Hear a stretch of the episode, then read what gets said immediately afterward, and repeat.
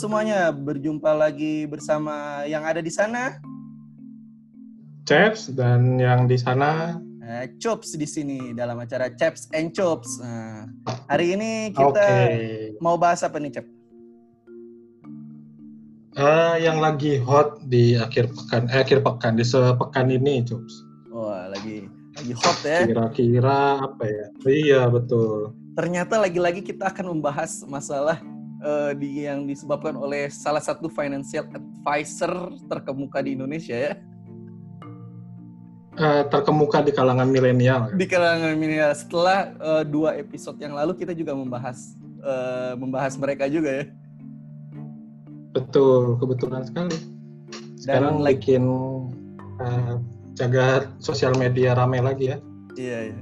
Dan lagi-lagi kita mengundang tamu yang sama. Siapa, Ceps? Bapak Fikri, Ali Fikri Rawi. Selamat datang. Pak Fikri. Terima kasih. Lagi, ketemu lagi, lagi Bapak. Iya, Selamat Bapak. datang Bapak Fikri. Ya, terima kasih. Okay. Mohon sharing-sharing ilmunya, Pak. apa nih? Apa yang apa mau apa? Biar, biar pembahasannya nggak nggak nggak orang awam aja gitu kan. Yeah. Kalau uh. kalau gua sama Acups kan awam banget, ter kita hanya menghibah gitu kan. Jadi oke okay, oke. Okay. Kronologisnya gimana, Ceps? Kronologisnya? Eh uh, gimana tuh? Jadi kalau yang gue tahu ya, gue tiba-tiba ada rame berita dari salah satu portal berita gitu jadi dia ada korban ini katanya dirugikan oleh financial advisor tersebut saham. Hmm. Kalau dia dirugikan dari berapa itu ya? Dari 80 sisa 30 ya? Iya, iya. Begitu iya. kurang lebih katanya. Nah, ini kan bingung juga pertama pas baca. Uh, gimana maksudnya? Joska kan apa Wah, sih? Financial advisor. eh iya, ah nggak apa-apa lah udah di mana-mana. Oke, kita balik lagi. Iya, nggak apa-apa. Ya si si kawan ini kan dia yang kita tahu itu kan planner dan advisor. Hmm. Tapi kok dia ternyata ini juga ya ngurus saham juga. Nah ini mungkin Mas Fikri lah yang bisa lebih jelasin benar apa ya. enggak. Hmm. Itu kan kalau nggak salah harusnya manajer investasi itu ya yang bisa kayak gitu. Hmm. Nah dan yang setelah makin rame makin rame kebongkar juga, loh ternyata si kawan ini nge dia tuh ngehandle langsung uang milik nasabah. Di mana kalau kita punya reksadana atau apa sih mutual fund itu sistemnya kan nggak gitu kan? Bener dana kita dikelola, tapi mereka nggak akses ke apa rekening pribadi nasabah, tapi di rekening bersama gitu kan? Wah ini kok iya. luar biasa banget gitu kan? Dan tambah lagi udah nasab mereka bisa akses ke rekening pribadi nasabah, nasabah nggak punya suara cuy buat beli, buat jual, semuanya katanya ya katanya benar-benar ya. independen dari financial advisor ini. Nah itu kan gimana gitu. Kalau kalau menurut gue pribadi ya itu sudah udah bisa masuk pidana kali ya cuman nggak tahu ya hukumnya gimana. Nah gitu. Usut punya usut ternyata memang nggak ada izinnya untuk hal tersebut. Dia apa untuk mengelola saham apalagi mengelola dana ya dana secara langsung kurang lebih gitu Nah gitu deh kurang lebih kronologisnya. Ya. Mungkin. Ya, uh, kalau gue tahunya tuh kan dari CNBC pertamanya tuh uh, siapa si Halis hmm. ya si Halis curhat tentang hmm. apa namanya oh, iya, betul. uangnya yang pengen dia pakai kawin eh hilang waduh hilang uang gue yang gue mau modal nikah itu buat kawin ya iya terus uh, ditambahin lagi di Twitter itu sama uh, Yakobus Kal uh, Yakobus Alvin. Kobus Alvin. Sebagai hmm. anak Twitter gue gue pantengin tuh thread. Wah anjir. Gue juga ikut ikutan komen ya. Nih kayaknya ada yang nggak bener nih. Nah kalau gitu gue tuh berpikir siapa nih kira-kira yang nih tidak benaran ini siapa yang bisa mensahikan ketidakbenaran ini? Coba Bung Fikri dari hmm. dari dari kacamata sebagai apa namanya uh, apa ya namanya expert mungkin cerita dulu kali ya, ya. Kan, kenapa sih kita milih Bung Fikri ini? Oh, ya sudah sepertinya di, di episode lalu kita tahu ya. Dia sudah expert di bidang oh, udah, udah. nggak expert expert juga, Oh, cuman iya. sedikit lebih tahu. Ya biasanya begitu, Oke. me- me- me- me- apa merendah untuk meroket ya. Merendah dulu. Oh, iya. Lagi. Oke, gimana Fik? Kalau Gimana, dari gimana? segi apa namanya eh, apa tanggapan dari yang udah berkecimpung di dunia finance ini?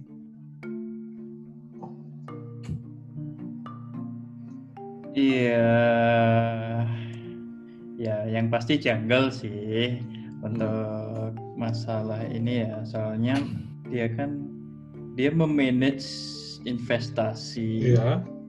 Memanage investasi orang lain. Nah itu kesalahan pertamanya itu kan yang udah dijelaskan sama CP tadi. Jadi eh, dia tidak melalui mutual fund atau reksadana, tapi langsung melalui reks, apa, akun pribadi, rekening pribadi dari nasabah. Tentu Hmm. dan ketika di passwordnya diganti eh, mereka tetap bisa masuk dan melakukan transaksi eh, itu saya rasa udah kesalahan sih gitu pertama. Begini, begini Terus, Fik, gua gua mau eh, nanya. yang kedua. Yang pertama tuh, yang ngomongin yang pertama itu eh Mhm. si ma- maaf ya gue potong tapi kita kan per poin kan. Eh, tadi lo bilang itu kesalahan, tapi Fik di kontraknya menyatakan itu. Misalkan gue, eh gue titipin duit nih ke lo Fik. Misalkan gue punya 2 m gitu. Gue titipin duit ke lo, lo urusin lah eh, apa namanya urusin lah duit gue ini, gitu kan? Eh, urusin duit gue ini. Kita tanda tangan kontrak nih. Ya, Oke, gue urusin eh, duit lo ya, tapi gue yang ngendaliin di kontrak itu ada kan? Eh, kalau lo baca lagi kontraknya itu ada itu. Gu- Gue yang ngendaliin Ada ya? gitu. Oh, Ada di kontraknya itu ada. Oh. namanya eh, kalau Oke. si si financial advisor ini yang akan meng- meng- istilahnya mengendalikan duitnya itu gitu gitu apakah itu tetap salah Fik? Nah, kalau untuk Hmm. yang sebenarnya kalau misalnya apa ya untuk style limited partner, eh, maksudnya Hmm. tidak terbuka seperti manajer investasi ju- eh, jualan reksadana, tapi limited Hmm. partner ini kan eh, antara dua pihak gitu kan ya. Nah itu Betul. Sebenarnya saya belum belum ini ya belum ngecek lagi legalitas di Indonesia itu seperti apa. Oke. Tapi eh, se- jadi untuk secara legalitas saya belum ini ya belum berkapasitas untuk menjawab itu. Tapi Hmm. yang pasti cara mereka ketika mengelola investasi itu jauh sekali dari yang dinamakan eh, professional fund manager itu sangat jauh sekali cara. Oke. Ya ya ya ya ya. Tapi kan pada dasarnya Kalau termasuk Joska itu bukan professional fund manager. Ya. Benar nah, nggak? itu dia Eh, yang itu, dia lagi itu kan tuh. financial advisor kan. Nah, kalau Iya. dari satu video yang pernah saya lihat itu salah satu korbannya kan orang legal ya. Nah, dia Ya. eh, apa ditawarinnya itu dia kerjasamanya dengan Joskanya, bukan Hmm. dengan PT Mahesa atau PT apa satunya A- Amarta. gitu. Iya. Mm-mm. Pokoknya dua itulah. Nah itu padahal Joska secara pada saat itu emang Joska nggak nggak melakukan eh, apa ya pengendalian invest apa pengelolaan investasinya, tapi dilempar ke dua PT-nya nih yang di mana punya punya apa ya afiliasi lah dengan eh, entah itu dengan Joskanya atau dengan si akarnya si apa CEO-nya.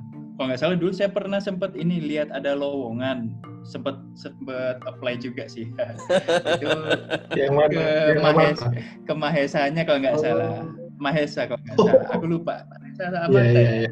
itu pokoknya butuh investment analis gitu dia menyebutkan bahwa ini adalah sister company dari Joska oh oke jadi kalau Hmm. ada masalah ini oke berarti dia punya afiliasi dengan si Joskanya Oke. Oke. Eh, kalau misalkan Itu, gua ini oh ya, silakan Cep, silakan. Cep. itu kan tadi kalau untuk apa tuh pengelolaan saham diserah bukan di bawah Joska diserahkan ke sister company-nya. Kalau logika gue berarti eh, harusnya sister company ini punya izin itu dong. Karena Joska tidak Ah. punya izin, makanya dia menyerahkan ke sister company itu. Bener nggak? Harusnya tapi kalau dari videonya itu pengakuan dari si kliennya itu bilang Mhm. dia nggak ada kesepakatan deal apa pun atau ikatan hukum apa pun dengan sister company ini. Mereka hmm. dia cuma punya ikatan hukum dengan si Joska. Nah, di situlah oh. salah satu kesalahan Oke. Okay. Nah, itu kejanggalannya, itu kejanggalannya. Misalkan gue uh, pengen pengen invest investasi lewat lo ya Fik tapi lo pakai gunain si CP untuk uh, mainin dana lo. Padahal gue perjanjiannya sama lo ya, bukan sama si CP gitu kan ya. Hmm. Oke oke. Nah, di situ agak ada menyalahi aturannya di situ. Kalau gue kalau kalau itu gue sepakat kayaknya. Itu menurut gue udah salah sih. Hmm. Oke, okay, yang poin kedua, Fik. Yang poin kedua, tadi kan gue potong ya. Oke, lanjutnya ya. Uh, masalah masalah apa ya tadi ya? Uh, ini sebenarnya kalau misalnya uh, minus sahamnya rugi minus itu kan sebenarnya kalau saya lihat berita-berita itu kan sebenarnya belum dieksekusi masih hmm. potensial loss ya sebenarnya hmm. itu bukan sebuah masalah ya karena uh, karena ya kalau misalnya let's say kita beli Astra di awal tahun Januari di bulan April itu misal kita beli Astra 100 juta di bulan Januari. Kita di bulan April itu duit kita itu palingnya tinggal kurang lebih kurang 50 juta. Ya hampir sama minusnya. Minusnya lebih dari 50 hmm. persen. Gitu. Cuman di sini permasalahannya adalah kalau misalnya memang mereka itu adalah fund manager yang profesional itu apa ya mereka itu pasti akan menerapkan prinsip-prinsip investasi yang prudent prudent itu yang yang aman yang oh. ya inilah sesuai kaidah fund manager lah gitu jadi misal hmm. portfolio manajemennya itu satu saham itu maksimal berapa alokasinya berapa persen dari uh, total dana biasanya itu 10 persenan gitu. Hmm. Nah di sana itu nggak dilakukan di sana. Terus uh, pemil pemilihan pemilihannya itu uh, apa ya? Nggak ya intinya. Janggal. Pemilihannya sih sebenarnya sebenarnya saham yang dipilih ini saham yang dipilih ini luck ini sebenarnya secara fundamental itu nggak nggak culek banget ya enggak gitu. Enggak kayak ini ya apa kesalahan uh, ketiga home, poin home, kayak home ya. itu itu sih gorengan kolesterol itu. Nah, ini nyambung ke poin ketiga ada kayak itikat uh, apa ya, etikanya ini nggak baik etika mereka di dunia finance. Jadi ya saham luck ini adalah uh, saham yang baru IPO 2018 kan hmm. itu underwriter-nya atau yang membantu untuk meng-IPO-kannya ini adalah Philip Securitas. Hmm. Philip Securitas punya kerjasama dengan Joska. Oke. Okay. Nah, Joska, Joska baru saja me, apa ya melakukan kelas top gasm, kemudian yang daftar untuk uh, dikelolanya itu itu bekerja sama dengan Philip Securitas. Jadi uh, dibukakan rekening di Philip Securitas. Hmm. Ada kejanggalan di sini. Jadi bisa aja kan Philip uh, Silak ini dan Joska ah, bukan silaknya si Philip Sekuritas sama si Joskanya bisa bermain-main kan di situ. Yap. Jadinya si oh. apa uh, nasabah-nasabah barunya ini jadi korban gitu. Bisa jadi kan tapi kita belum punya buktinya tapi itu sangat sangat apa ya tidak etis lah. Ya, ya, untuk ya, dilakukan betul, betul. seperti itu. Apalagi portfolio manajemennya seperti itu, wah itu kacau banget sih, nggak etis sih itu. Gitu. Tiga poin. Gue sih gini sih, Vic. Uh, uh, gue cuman pengen misalkan ya Fik ya misalkan uh, ada perjanjian memang ada kong kali kong gitu dari Philip Sekuritas, Lak dan Joskanya sendiri. Tapi ini kan saham ini pernah dibawa ke atas gitu ya. Pernah dibawa ke atas. Nah, itu uh, skenario nya tuh gimana sih sampai uh, ngehancurin ini saham jadi jatuh gitu skenario yang kira-kira si Joska atau si Lak si apa namanya si Philip Securitas ini dapat keuntungan dari situ itu di mananya gitu kira-kira skenario atau desainnya itu kayak gimana? Sebenarnya gini, uh, udah strategi umum ya untuk sekuritas itu menggoreng saham-saham IPO. Jadi hmm. biasanya saham IPO ini biasanya yang sahamnya yang apa cuman IPO-nya kecil di bawah 500 miliar gitu. Nah, itu biasanya kan si sekuritas itu memiliki uh, sekian lembar cukup banyak untuk uh, apa yang dipegang oleh uh, oleh sekuritas itu. Jadi ketika IPO yang akhirnya kan supply dari sahamnya ini kan dipegang sama sekuritasnya kan. Ya. Dan uh, apa dan yang di apa ya yang diperjualbelikan waktu IPO sebelum melantai di bursa nah itu waktu ditawarkan ke investor-investor kan paling cuma sedikit yang dapat gitu hmm. nah ketika melantai di bursa di hari pertama orang-orang uh, supply-nya nggak ada sekuritasnya ini ngekip sahamnya hmm. terus orang-orang yang beli di waktu IPO juga dikip paling ngejual satu lot gitu untuk naikin harga hmm hmm. hari berikutnya gitu lagi berikut gitu lagi gitu lagi nah ketika udah tinggi orang yang punya saham banyak nih kayak orang-orang yang dapat waktu IPO sama sekuritasnya ini itu ngejualin besar-besaran akhirnya hmm. jatuh seperti itu. Oke. Okay. Oke. Okay. Nah, yang konsep yang bisa diterapkan di masalah ini itu khawatirnya si Joskanya ini juga punya uh, besar uh, sebagian besar saham-saham waktu IPO-nya, terus Philips okay. juga masih punya banyak. Jadi ketika harganya di atas, uh, eh, jadi harganya ini dibuat naik dengan cara bisa aja uh, mereka ngejual dikit, kemudian uh, nasabah-nasabah barunya si Joska ini disuruh ngebeliin, ngebeli hmm. si saham lak ini naik terus, naik terus, naik terus, dan Joska Philips Sekuritas bisa dapat profit ketika di harga di atas. Oke, okay. ngerti gue ngerti ngerti. Jadi uh, misalkan gue uh, misalkan siapa ya yang inilah orang Joska gitu gue gue naruh saham juga di LAK ya tapi gue jualnya ketika dua ribu gitu ya. Ya bisa jadi. Ya ya ya. Oke oke. Eh kita nggak nuduh. Kenapa? Kayak gitu ya. misalnya. Ini misalnya kan ini radio kita nggak jajan kan Iya, iya. iya. kacamata yang lebih inilah lebih ngerti.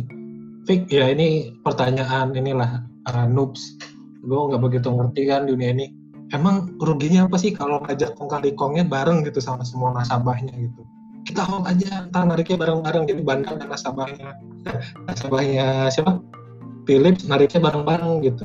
Kenapa selalu permainannya itu hanya sekuritas dan ya sekuritasnya paling nggak apa bandarnya lah kenapa sih bikin gitu masalahnya kita tidak tidak akan pernah tahu siapa yang akan menjual duluan bisa aja agree di depan tapi di belakangnya itu menjual duluan. Bisa aja kan? dan yang duluan kan paling kita tidak akan pernah ya oh. terus yang duluan terus yang besar terus akhirnya yang lainnya ikut-ikutan cuci piring. Hmm. Kita nggak ada nggak ada yang tahu. kotor banget ya. Ya itu dia ya ya ya, ya. ini masalahnya eh, masalah di kasus ini benar-benar etika banget sih sebenarnya iya. etikanya bermasalah banget ini di sini okay. dari gue ya etik hmm. satu oke okay. gue gue sepakat banget dan gue jujur pribadi emosi kalau lihat apa tahu kayak gini kan uh, lu jelasin tadi kayak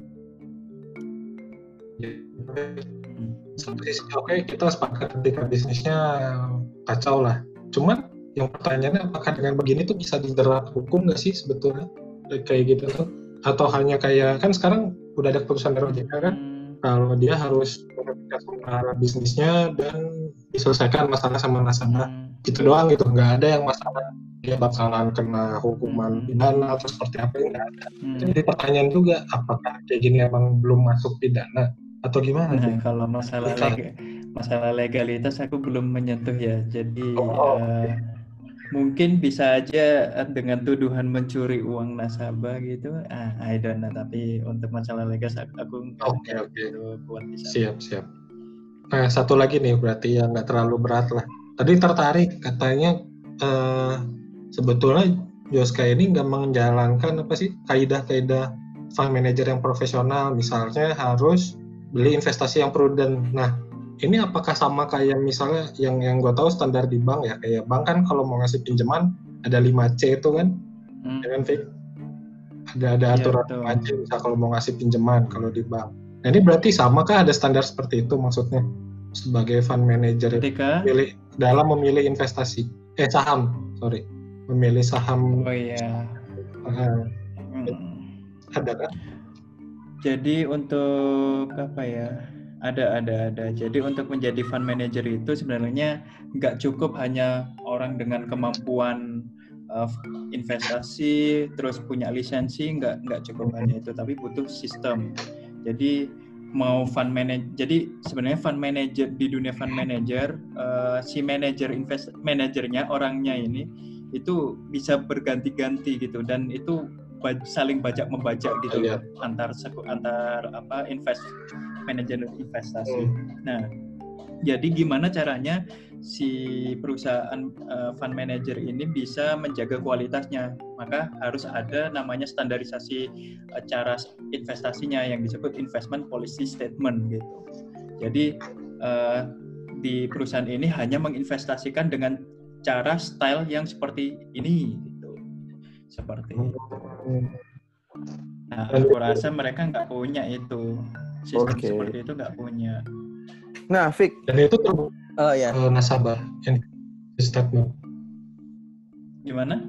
Infonya diterbuka nggak untuk nasabah kalau yang benar investment policy statement ini bahwa perusahaan ini hanya akan investasi kayak begini begini begini Uh, harusnya sih ada ya. Soalnya itu kan cara salah satu cara menjual si fund manager kan uh, stylenya apakah long term, uh, Buffett style atau trading daily trading style gitu kan itu yang dijual. Oke. Okay. Kalau di reksadana gitu, untuk... kalau di reksadana itu nemuinnya di mana ya, Fik ya? Style-style kayak gitu? Nah, cuman kalau uh, kalau untuk secara dokumennya itu uh, aku belum ngecek lagi ya. Uh, mung mungkin itu juga rahasia juga sih sebenarnya. Biasanya okay. sih apa ya? Untuk soalnya nggak bisa sampai detail gitu untuk yang di apa komunikasikan gitu. Paling yang yang standar-standar aja ya kita ngehold berapa tahun gitu. Terus saham-saham yang dipilih historinya seperti apa aja ya soalnya gitu. sebagai apa sebagai apa, masyarakat yang mau naruh uang di uh, fund manager itu kan paling kita cuma ngelihat uh, keuntungannya berapa ya paling dasar itu ya. Keuntungannya berapa selama setahun hmm. dua tahun tiga tahun terakhir. Terus dimasukinnya di uh, saham apa aja. Misalkan itu di reksadana gitu ya Nah, pertanyaan gue gini, Fik. Hmm, betul. Nyambung ke uh, ini apa skema bisnisnya Joska, yaitu dia financial advisor juga membuka sebagai uh, fund manager. Nah, uh, gue dulu tuh jujur, uh, gue tuh pernah punya pikiran atau punya niatan sama teman-teman gue uh, bikin apa namanya, bikin kayak fund manager gitu, tapi nggak ada lisensinya. tapi uh, uh-huh. kita, kita terbuka, maksudnya gini, apa namanya? Uh, kalau Joska itu kan kayak kalau di Joska itu kan itu Joska berkuasa penuh ya terhadap rekening lo gitu. Nah kalau kita tuh uh, silakan Anda juga uh, berparti kita saran aja pick listnya, pick, apa pick sahamnya kita kasih masukan kayak gini gini gini itu itu boleh nggak pick? Jadi uh, si apa namanya si yang memegang akunnya tetap si ininya si siapa? Si uh, orang yang punya duitnya. Nasabah. tapi uh, nasabah kita cuman ngatur pik pik hmm. nih beli ini beli ini beli ini. Itu harus ada izin atau gimana pik uh, pik kalau nggak salah ya aku pernah uh, ngecek ngecek ini. Jadi hmm. kalau di Indonesia itu kelihatannya belum ada ya. Jadi oh, belum ada. ke apa akhirnya ja, akhirnya ujung-ujungnya itu pasti uh, setiap orang yang di Indonesia itu di ujungnya pasti ada kata DYOR do your own research gitu jadi mereka selalu okay. disclaimer untuk hmm. apa tidak bertanggung jawab kalau misalnya ada kesalahan atau penurunan nilai investasi. Kalau hmm. di Amerika itu sudah ada sudah ada okay. lisensinya. Jadi untuk menjadi financial investment advisor itu harus ada lisensinya. Nah, aku rasa di Indonesia belum ada deh untuk itu. Oh, jadi kalau gua ngelakuin lisensinya di Indonesia berarti nggak butuh lisensi itu ya? Hmm, aku rasa itu. Ya, nggak butuh. Oke, oke, oke. Nggak butuh. Oh. Ya, gue suruh beliin MKNT, MKNT, Dewa gitu. uh, untuk kuburan ya. L, L, L, LT. Kamu bukannya punya punya LT ya? Ini terbuka loh. Zaman belajar. Malu saya. Oh, malu. Kan zaman-zaman belajar. Masa Ya, ya, ya. Setiap orang okay. punya masa lalu yang kelam. Man. Betul, setiap orang punya masa lalu yang kelam. Saya punya tiga saham 50 kan, ya Anda juga pasti punya. sedih, sedih. Oke, oke. Oke, oke, oke. Eh, eh, gini, Fik. Gue menarik ini ada satu kalimat. Bedanya Joska dengan Jiwasraya tuh apa, Fik? Permasalahan Joska dan Jiwasraya yang waktu itu itu kan sama-sama dibeliin saham yang gorengan lah istilahnya ya. Uh, oh beda. Eh sebentar. Sebentar. Um, gimana ya? Ada sebenarnya sama-sama ngebander ya. Cuman di sini Joska ini lebih nggak etis. Dia apa ya dia dengan bekerja sama dengan sekuritas dan memainkan IPO-nya itu itu kurang-kurang et, sangat tidak etis sih. Bukannya sama dengan Jiwasraya ya? Kasusnya itu Jiwasraya. bukannya sama itu kasus itu. Jadi si apa namanya si salah satu direktur Jiwasrayanya Jiwasraya, dijanjikan sesuatu sama yang punya sahamnya ini kan? Oh iya, ha, ha, ha. ya gimana ya? Sama-sama gak etis lah. Pokoknya sama-sama bobroknya lah dua-duanya. Sama-sama bobroknya. Oke oke. Ya gue ngeliat ada kesamaan tapi sama Jiwasraya tuh yang parah karena Jiwasraya itu apa namanya BUMN ya? Hmm. BUMN ya, dan itu melanggar hukum ya, kan? dan uh, itu negara jatuhnya. Ya betul sekali. Hmm. Oke oke. CP, gimana Cep? Ah, nggak ada sih, nggak ada lagi oh, nah, itu. Nah, kan gue juga kan. apa ya, apa Cep? Mangga mangga, lanjut. Oh, kan gue tuh di di di Twitter tuh kan beragam ya tanggapan tentang ini. Uh, ada juga yang hmm. uh, dalam posisi nyalahin si nasabahnya, Fik. Oh, karena nasabah gimana? udah dikasih ta- dikasih kontrak, dikasih kontrak yang aneh gitu. Kenapa mereka tetap mau tanda hmm. tangan? Kenapa mereka tetap mau kirim uang ke Joska? Ini kan sesuatu yang aneh. Ini, hmm. ini nasabahnya kok bodoh sekali kan? Banyak itu ada ada reklien seperti itu, ada ada tanggapan seperti itu. Gimana tanggapannya, Vic? Kalau tanggapanku sih uh, untuk nasabah yang terkena ini ya masalah terkandung tersandung kasus ini sebenarnya saya nggak akan menyalahkan nasabahnya. Kenapa? Okay. karena mereka apa ya apa namanya dia itu kayak udah gampangnya itu terhipnotis gitu loh. Jadi bias biasnya ini salah satu apa ya cara orang-orang yang penjual seminar itu mendapat untung itu adalah ya stylenya persis banget kayak Joska. Jadi hmm. setiap hari ketika di uh, di ID mereka itu membuat konten-konten yang apa ya self helpful gitu loh. Uh, jadi hmm. sangat insightful gitu dikasih hmm. konten gratis, gratis, gratis. Nah kemudian ketika orang yang ngikutin itu merasa sangat apa ya ber ber apa ya kontennya itu bermanfaat akan mengikuti terus itu akan attach secara psikologis secara bawah sadar untuk selalu follow konten tersebut gitu. Oke. Okay. Brandingnya nah, berarti dapat banget ya?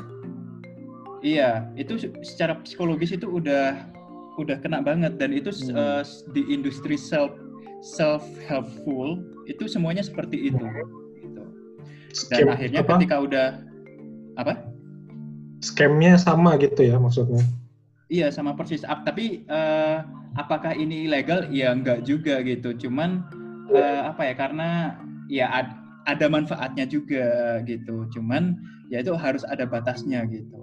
Masalahnya customernya ini banyak yang tidak paham batasnya gitu. Hmm. Dan itu hmm. banyak sekali susah. Memang susah untuk menjaga biasnya itu. Jadi ketika pertama gratis, oke okay, oke okay, oke, okay, terus nanti dilanjutkan dengan kayak seminar yang agak murah, terus hmm. produk-produknya yang agak murah, terus udah attach lagi nanti dinaikin harganya. Nanti uh, mereka ngikutin lagi, ngikutin lagi, ngikutin lagi. Akhirnya ketika ditawarkan produk seperti ini, saya nggak nggak kaget ada yang dapat kena okay. korbannya seperti itu. itu wajar lah cara cara di industri self helpful seperti itu memang. Hmm. Uh, Fik, okay, okay, okay. Fik, uh, lo sepakat nggak dengan kalimat gini? Permasalahan Joska ini adalah ketika uh, Joska memanfaatkan keluguan, kepolosan dari nasabahnya.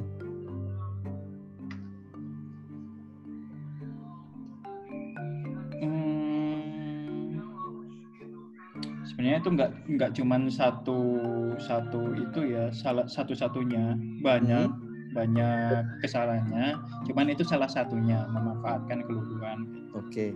tapi kalau aku rasa kesalahan terbesarnya itu bukan masalah memanfaatkan keluhuan customernya hmm. tapi etika dan uh, legal yang dibangun itu kurang nah. sangat kurang etika oh, kurang banget gue sepakat Fikri gue sepakat Fikri Oke okay, oke. Okay. Karena kalau kita mau ngomong ah nyalahin nasabah, bodoh lah atau apa, lugu-lugu amat sih lo masuk pasar saham kayak gitu. Itu kan kita mainnya di ranah subjektif, Cups, kalau kata gue. Enggak, enggak, gue enggak, enggak nyalain, gue enggak nyalain nasabahnya, Cep. Gue ya, tidak ya, gue, gue tahu, uh. orang yang menyalahkan juga. Hmm. Gue gue di posisi sepakat sama Fikri. Ini gue mau ngeritik juga yang tukang kritik-kritik itu di luar itu maksudnya untuk nasabah kita apa ya ada juga yang bilang kan pak lu baru rugi puluhan juta belum ratusan juta yang nggak gitu kan ya poinnya tuh bukan di sana gitu. Poinnya gue sepakat banget kayak Fikri etika bisnisnya satu itu ngaco banget. Dan kan aku kalau dengan yang udah dijabarkan sama Fikri juga tadi enggak uh, etikanya dari awal bagus gitu kan si ini. Banyak orang yang jadi sampai kita mau mau susah banget loh itu kan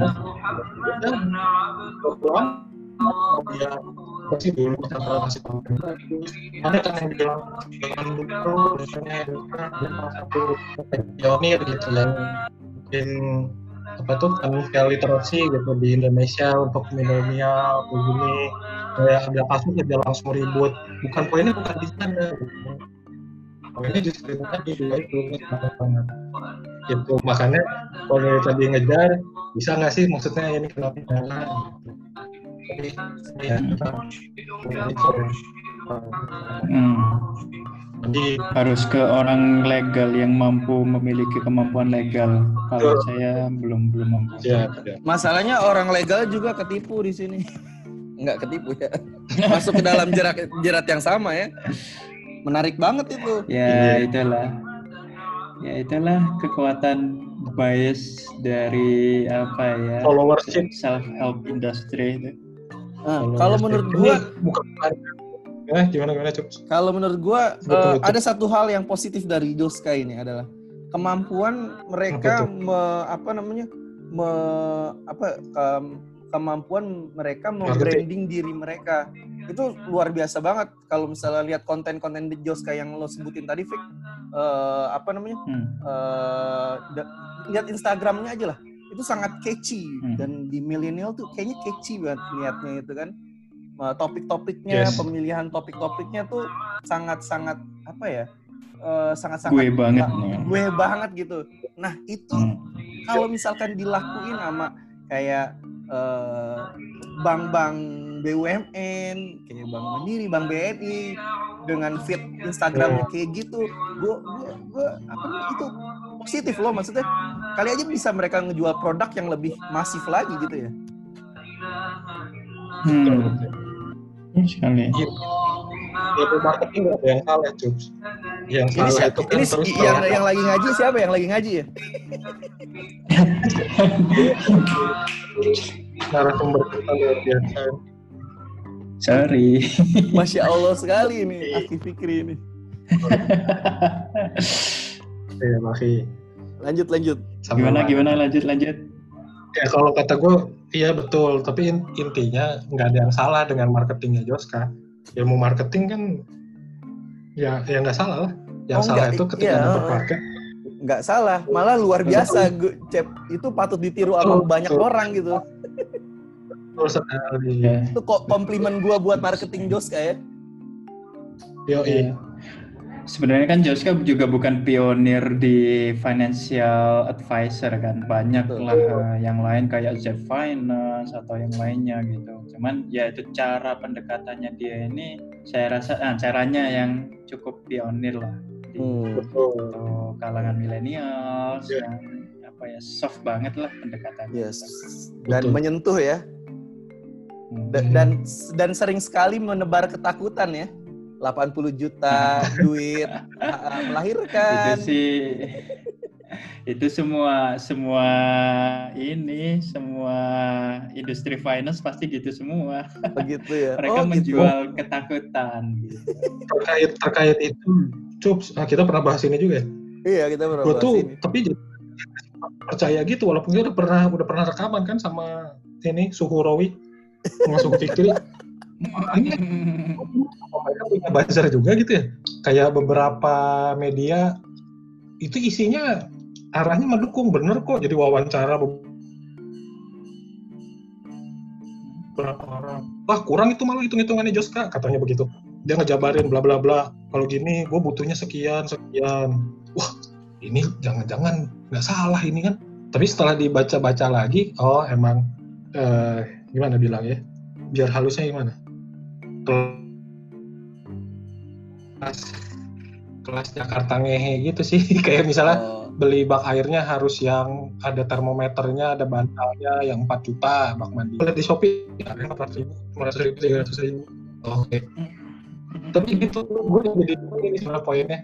Apa tebar fear-nya itu ada buzzer juga apa gimana gitu? Soal media ada beberapa yang pro gitu. CNBC walau termasuk untuk kasus yang ini ya. Terus bernama aja eh? Bernama nggak coba oh iya, silakan aja.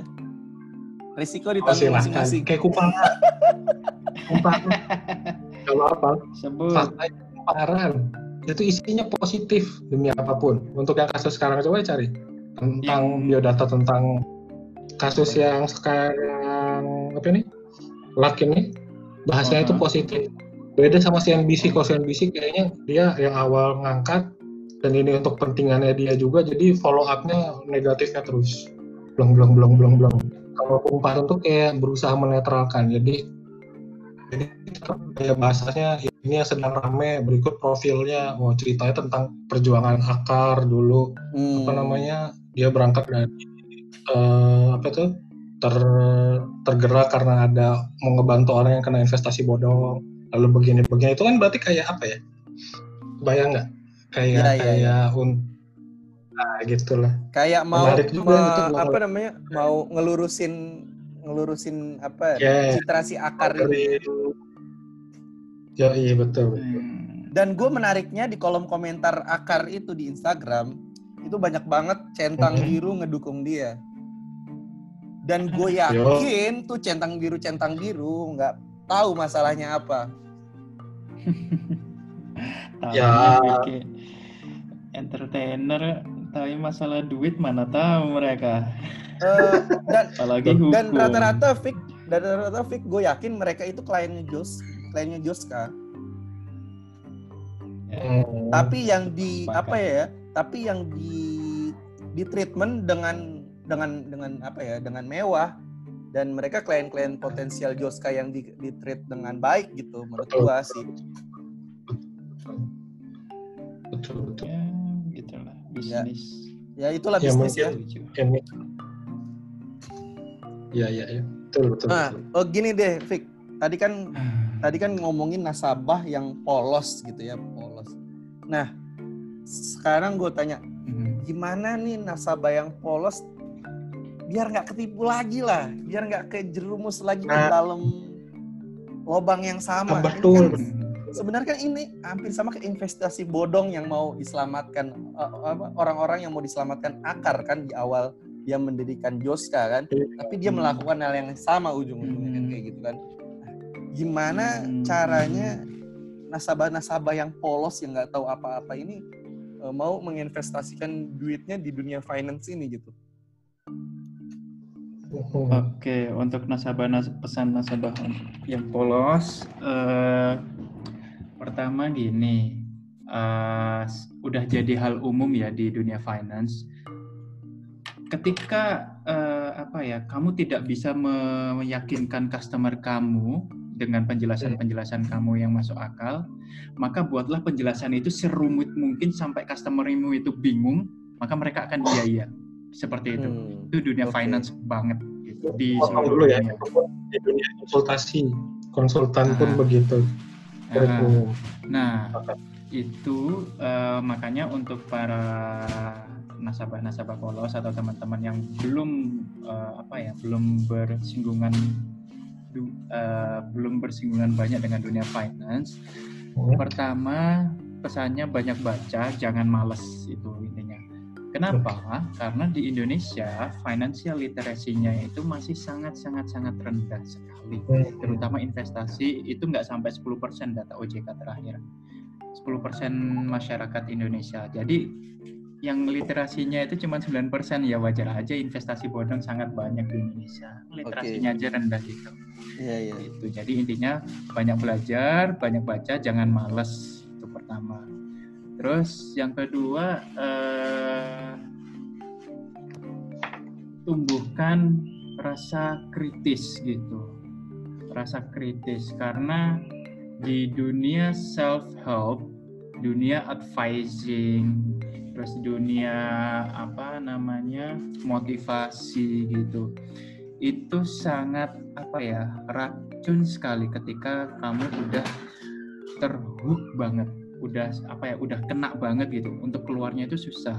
Kamu akan mengiyakan uh, apa pun konten yang dis, disuguhkan oleh si pemilik konten tersebut. Gitu. Jadi uh, apa pun siapa pun itu harus kritis terhadap apa ya segala informasi yang ditangkap gitu. Cross check dengan informasi dari konten yang lain gitu. Jadi seperti bagaimana uh, yang benarnya seperti apa gitu. Yang pasti tinggal merujuk biar biar apa ya biar benar-benar aman harus tetap merujuk ke uh, regulator. Regulasinya seperti apa? Tapi itu kan semua orang nggak semua orang apa ya mampu kan mampu sih sebenarnya cuman malasnya aja orang Indonesia itu seperti yeah, yeah, yeah, yeah, yeah. jangan malas seperti tanggepin kita buka kartu aja lah. Dulu kan kita ini ya pro ya. Sempat datang ke acaranya juga kan? Oh iya betul. Kan nggak salah nggak? Nggak salah juga ya karena kan ya itu uh, uh, gue sih sepakat banget. Ya kalau misalnya terus kita terjebak apa ya bukan tanda kutip terjebak ada misalnya nanti ada Joska versi 2 gitu nggak tahu siapa lah. Dia ada triknya sama misal dari sharing-sharing dulu dari awalnya beneran ada isinya ilmunya sampai sekarang. Cuman nyari data doang kayak cuman kuesioner kuesioner doang kan. Dia tuh kayak nanya. Ya pokoknya dari dari awal tuh yang masih bagus terus kita kena it's okay gitu kan. Karena dia memang bagus. Tapi ketika mulai jelek nah itu kritisnya memang harus ada. Mungkin kalau secara umum memang mental Indonesia itu followership kali ya istilah umumnya followership.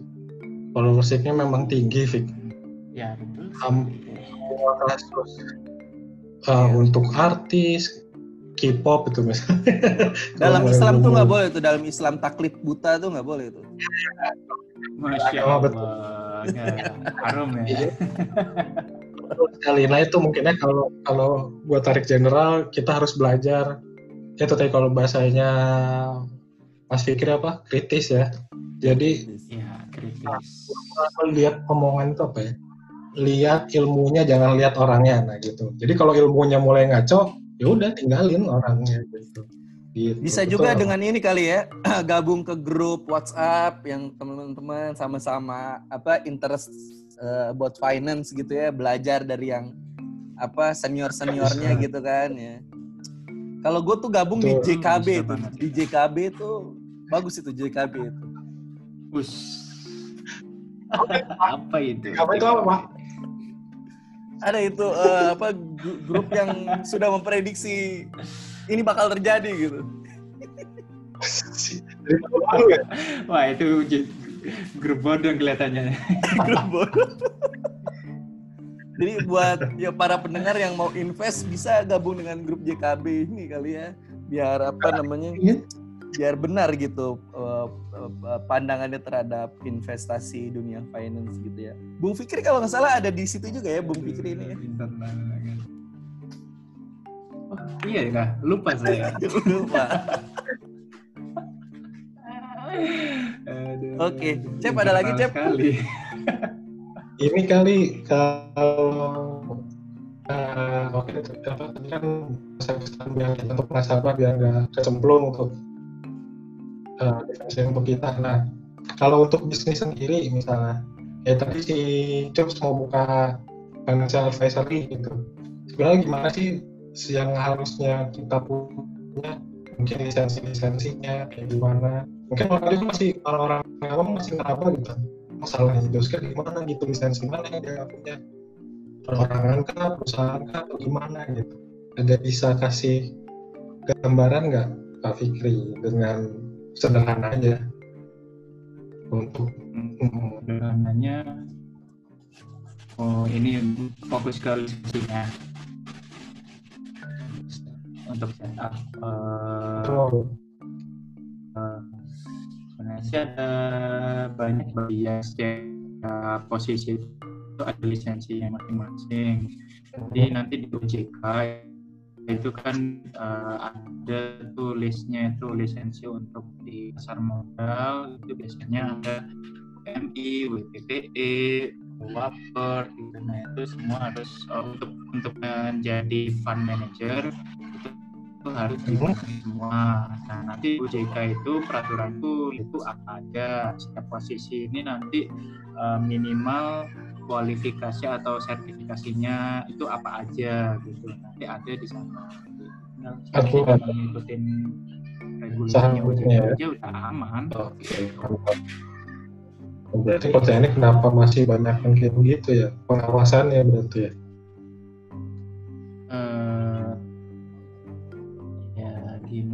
masalahnya kayak gitu OJK cuma satu iya, iya. Orangnya dan orangnya nggak banyak-banyak juga OJK jadi untuk ngawasi sekian ratus juta penduduk yang nakal itu ya siap, siap. juga dan gue okay. dengar OJK tuh mau dibubarin ya Cep eh Fik ya sama Pak Presiden ya isu isu uh, yeah. eh nggak tahu isu sih itu. Oh, nggak tahu isu. Sebenarnya isu udah lama itu. Memang isu ya. udah lama. Lalu di recycle keluar lagi keluar lagi. Oh, Tapi sebenarnya itu masih memungkinkan karena hmm. itu memungkinkan karena sebenarnya kan kita memecah OJK dari BI kan sebenarnya juga ngikutin apa yang telah dilakukan oleh uh, Inggris. Hmm Inggris juga pernah melakukan itu dan akhirnya ujung-ujungnya yang bersifat yang seperti OJK gitu di Inggris dihapus dan dilebur lagi ke Bank Sentral Bank of India gitu. Ya masih memungkinkan bisa jadi, cuman terlihat uh, tergantung nanti uh, di mana politiknya. Oke. Okay. Jadi gini Fik, nih uh, di luar di luar bahasan tadi ini ngomongin OJK inilah uh, perizinan tadi lah perizinan tentang lembaga finance, lembaga keuangan gitu ya. Jadi gue dapat selentingan, bikin izin di OJK itu lebih gampang daripada di BI.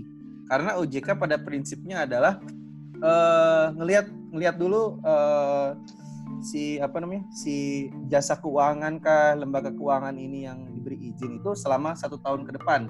Jadi dia uh, lebih reaktif gitu. Tapi izin BI itu adalah dia benar-benar sulit banget uh, nembusnya karena BI itu harus benar-benar mateng gitu benar-benar mateng baru dikasih izin nah itu benar nggak sih Fik? Hmm. soalnya soalnya gue eh, mau mau melakukan hal itu gitu nggak bisa apple to apple sih karena uh, ranah tanggung jawabnya udah berbeda ya antara OJK dan BI hmm. BI sekarang kan lebih fokus ke sistem pembayaran gitu jadi yang uh, apa yang fintech fintech itu nanti selain ke OJK juga ke BI kan. Nah BI hmm. ini bagian ke sistem pembayarannya, tapi hmm. regulasi untuk yang lain-lainnya tetap OJK, jadi nggak bisa apple to apple. Oke. Okay. Tapi dari segi apa namanya kesu apa uh, tingkat kesulitan, kesulitan mendapatkan izin, ya tingkat kemudahan gitu. Hmm, OJK kayak belum kayaknya belum lebih gampang. berpengalaman Oke, oke, oke, sip, sip. Coba nanya aja. berpengalaman di departemen itu sih. Oke oke. oke. Pengalamannya departemen apa, Vi? Baru dikit. Baru dikit. ya. baru eh, apa ya baru tiga minggu di apa namanya kayak manajemen strategis Di OJK, BI.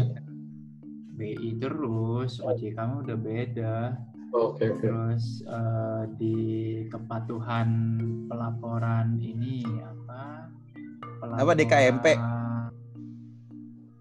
Di KPL eh di K kok apa sih aku sampai lupa ya Waduh. Ya, itulah Wah, ini kita ngundang pokoknya- orangnya bener nggak, Cep? Salah orang lagi, Cep. Oh, di PKL lupa gue kepatuhan laporan ya itu pokoknya laporan-laporan perbankan, laporan yang ambil data lah. Cuman kalau untuk eh, kebijakan atau perizinan-perizinan gitu masih belum Ya. belum dapat. Oke.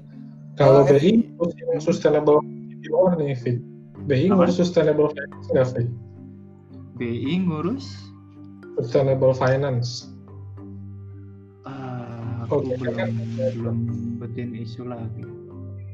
Belum Oh. ngikutin isunya aku. Oh, oke, oke. It's Ya okay. masih si anak bawang, maklum.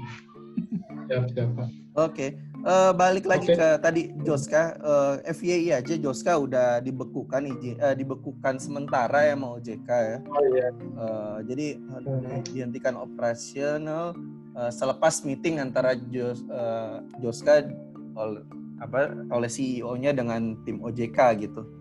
Eh, udah dibekukan sementara sih, ya kita nggak tahu. Dan dengar-dengar pas di meeting buka CEO Joskanya agak memelas. Ya seperti biasa. Oke. Sip, sip. Oke. Eh, kayaknya udah Cep ya. Oke, Oke. cukup, cukup. Eh, Terima kasih banyak banget. Terima Dapat kasih banget. banyak Bang Fikri. Oke. Nantikan eh, undangan kami di seri-seri finance lainnya ya. Iya, Ini narasumber andalan, Pak. Ya. Banyakan dong yang lainnya juga dipaksa dibayar kek. Anjir dibayar. Kita aja nggak punya duit. Setiap minggu. Kita aja tidak komersil Amin, ya. pakai apa. Oke. Oke, eh, para pendengar sebenarnya ada pengen ada Yowis cuman gue gue udah jam 7 lewat 9 gue harus sholat maghrib di sini. Oke, oke, oke. Jadi Yowis segmennya eh, eh, nanti-nanti aja. Oke, eh, Oke. untuk itu kita tutup aja ya Ceps ya. Eh, gue cukup di sini. Di sini Chaps. Eh, eh, kita- Sampai berjumpa di sampai berjumpa lagi di Chaps and Chops ya. episode. Oke, sip sip sip. Salam, salam, salam. Oke, thank Thank you.